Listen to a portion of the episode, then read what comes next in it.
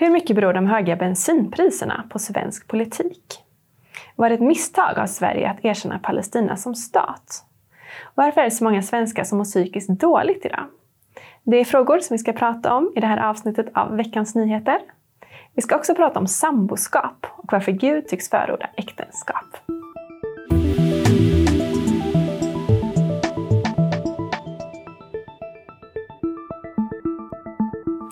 Varmt välkomna till det här avsnittet av Veckans Nyheter med mig Sara Andersson och ledarskribenten och bibelläraren Sven Almqvist. Ja, vi ska börja med att prata om bensinpriserna. I nuläget så kostar en liter bensin nästan 18 kronor och en liter diesel kostar någonstans mellan 19 och 20 kronor.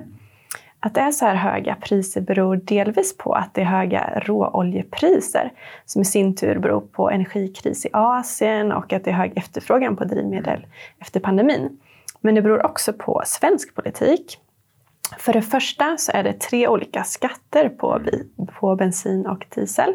Det är energiskatt, det är koldioxidskatt och det är moms. Tillsammans utgör de här tre skatterna ungefär 60 procent av priset, vilket innebär att en liter bensin utan skatt skulle kosta ungefär 7 kronor. Mm.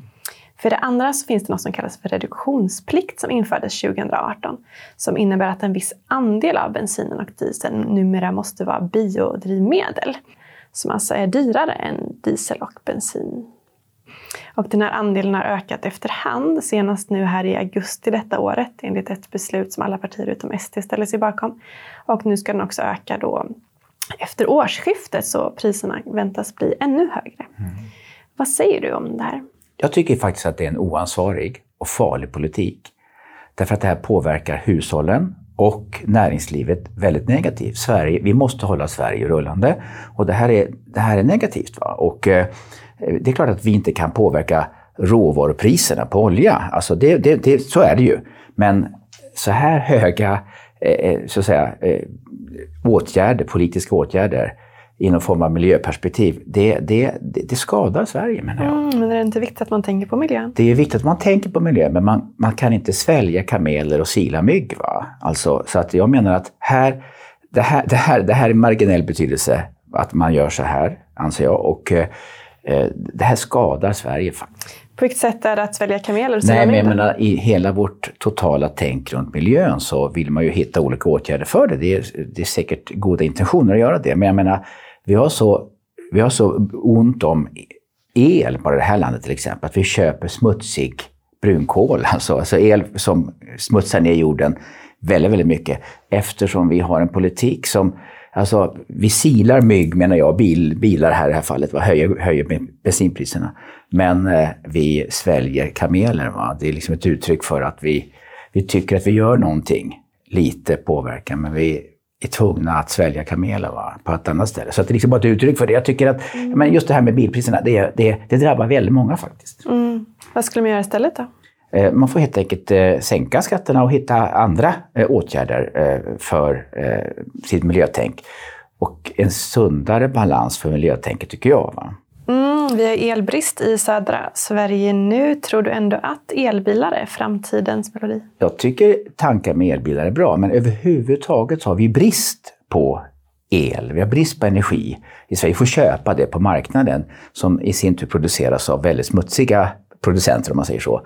Så, så jag är ju förespråkare för att vi ska ta ett omtag när det gäller kärnkraften som ju har utvecklats enormt och man kan bygga väldigt, väldigt säkra och, och miljövänliga så att säga, eh, kärnkraftverk. Det är ren energi. Va? Så jag tycker vi ska ta ett omtag på det eh, igen eh, så att vi kan vara försörjande, självförsörjande på el. Va? Mm. Ja, det är en lite annan diskussion så den får vi kanske ta en annan gång. Ja, men jag vill få in den där va? ja, vi får avsluta detta ämne och gå in på nästa. Ja. Och då handlar det om Ann Lindes Israelbesök som ägde rum i veckan. Mm. Vi ska inte beröra det här så djupt, vi har redan diskuterat de mm. upptinande relationerna mellan Sverige och Israel, men vi ska ändå nämna det lite kort eftersom det var en historisk resa. Mm. En svensk utrikesminister har nämligen inte besökt Israel officiellt på tio år efter att relationerna frös när Sverige erkände Palestina som stat och när Sveriges dåvarande utrikesminister Margot Wallström anklagade Israel för utomrättsliga mm. avrättningar. Men vad säger du om det här besöket? Alltså Margot Wallström var katastrof. För Sverige i relation med Israel. Jag vill bara stryka under det. Mm, nu är inte hon här och kan försvara sig, Nej, så vi men hålla oss eh, till jag tycker Linde.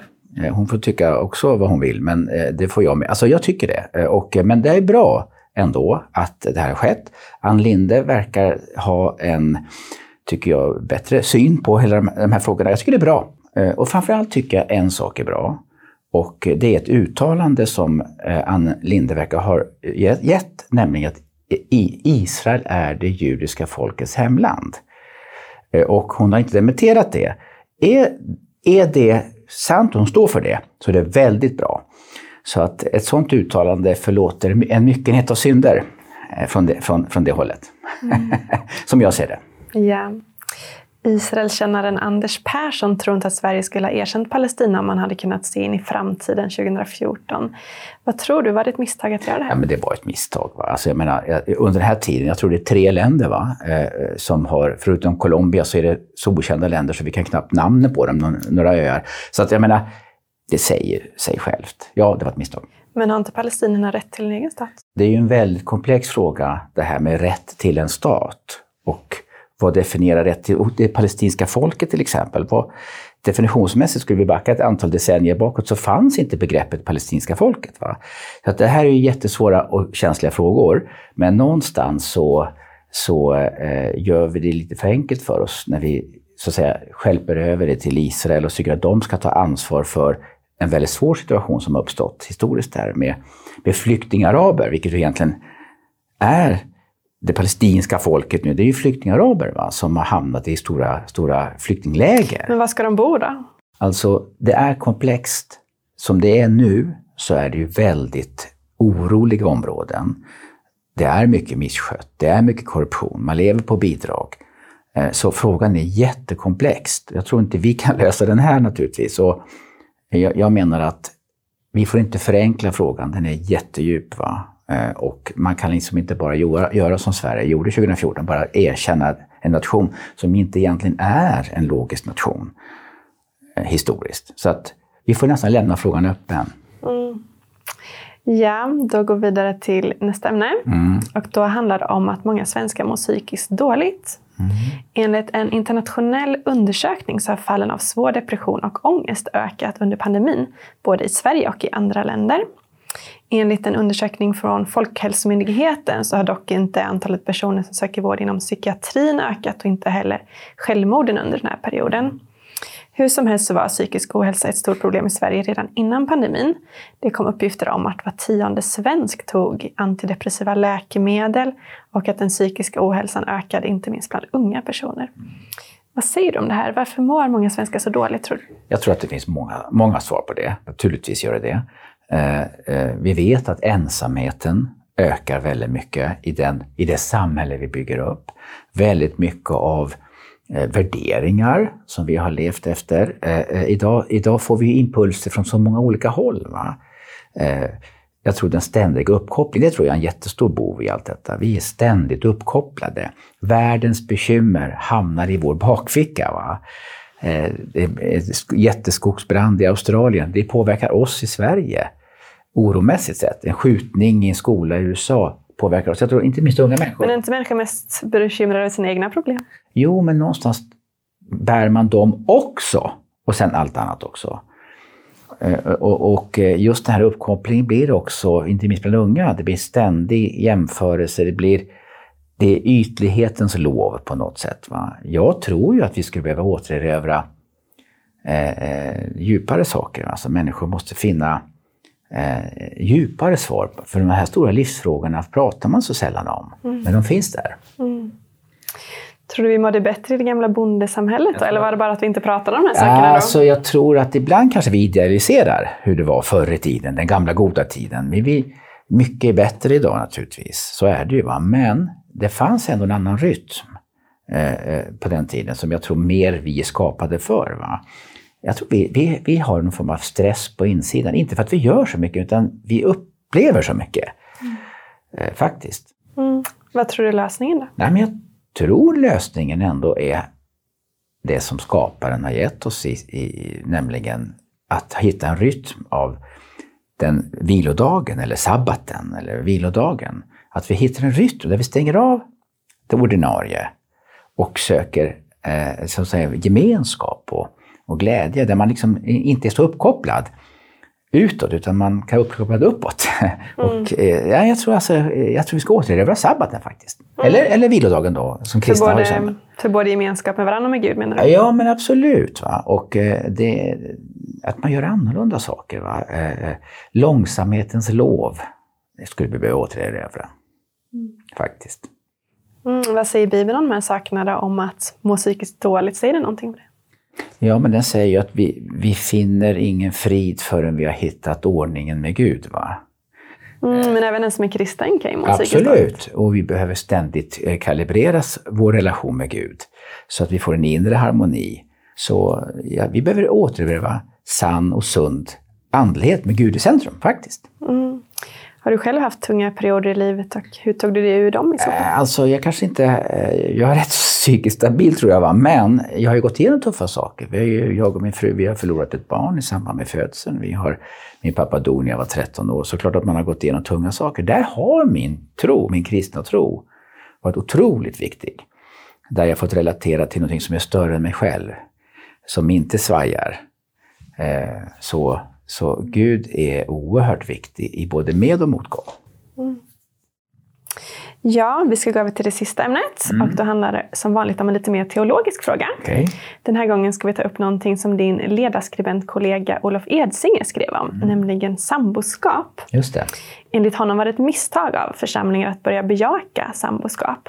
Han menar att det har lett till den här äktenskapsdiskussionen vi har idag, där många församlingar öppnar sig för att börja bejaka samkönade äktenskap.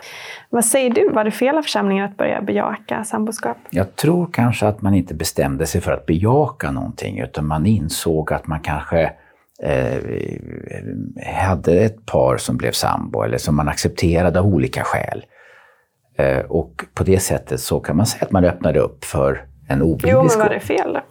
Eh, ja, men det var det ju egentligen. Va? För man, vågade, man ändrade förkunnelsen för att bejaka någonting som inte är bibliskt. Men vi lever också i en komplex värld där många nya troende kommer in i en församling som bor sambo. Och där kanske ena parten har blivit kristen och så jag vill inte gifta mig, säger, säger motparten. Mm. Så att, och ska det, alltså så att det jag vill på, påpeka är att vi lever också i en allt mer komplex eh, tid. Så ska vi acceptera det? Vad Nej, men vi ska bejaka människor som har kommit med många trasiga relationer. Det finns barn, det finns mycket som behöver bli helt igen. Och då ska kyrkan vara en plats man får vara i och, och känna sig accepterad i. Men på väg mot det rätta och sunda. Och det är äktenskapet, absolut, när det gäller relationer. Mm, vad är det som är så farligt med att vara sambo? Alltså det är inget som är farligt med att vara sambo, men det är ett dåligt, det är, det är en sämre och svagare konstitution. Eh, och jag tror Bibeln har en väldigt underbar undervisning om detta. Och det finns ett bibelord i första eh, Mosebok 2.24 som säger så här. Därför ska en man överge sin far och mor, hålla sig till sin hustru och de ska bli ett kött. Så våra barn, min och min frus barn, är ju bokstavligen ett kött mellan mig och min fru. Så det är för de svagaste parten som vi behöver ha, alltså, ha det här med giftermålet. Eh, och samboförhållandet är ju inte det här... Eh, förbundstanken finns inte med i det. Mm. Men det är inte förståeligt om folk vill testa lite det och leva med någon innan man fattar det här mm. beslutet? Mm. Det är förståeligt, men det är inte den rätta vägen att gå. För att? Därför att eh, man kan förstöra någonting som är under själva testet, så att säga. Då. Sen behöver vi, tror jag, i kyrkan, och inte minst i frikyrkans värld, hitta former där människor kan lära känna varandra men inte i äktenskapliga former, för äktenskapet är unikt. Och det är ju Guds välsignelse som vi ska ha. Mm. Så jag tycker man borde tänka som kristen, man tänka så här, hur får jag mer av Guds välsignelse? Och det får man genom att följa Guds ordningar. Mm. Men tror du det finns fördelar med äktenskap även för de som inte bryr sig om vad Bibeln Absolut säger? Absolut gör det det. Alltså, Gud är ju, har ju skapat ordningar för alla människor. Eh, så att äktenskapet, och det är också juridiskt det starkaste eh, så att säga, konstellationer för, för, för ett par. Va? Så att äktenskapet är, är bäst för alla. Ja, det får bli avslutningen på det här samtalet. Tack så mycket Sven för att du ville vara med oss. Tack. Och tack till er som har tittat. Roligt att ni vill följa oss. Skicka gärna in frågor om ni har förslag på saker som vi ska ta upp. Ha det så bra!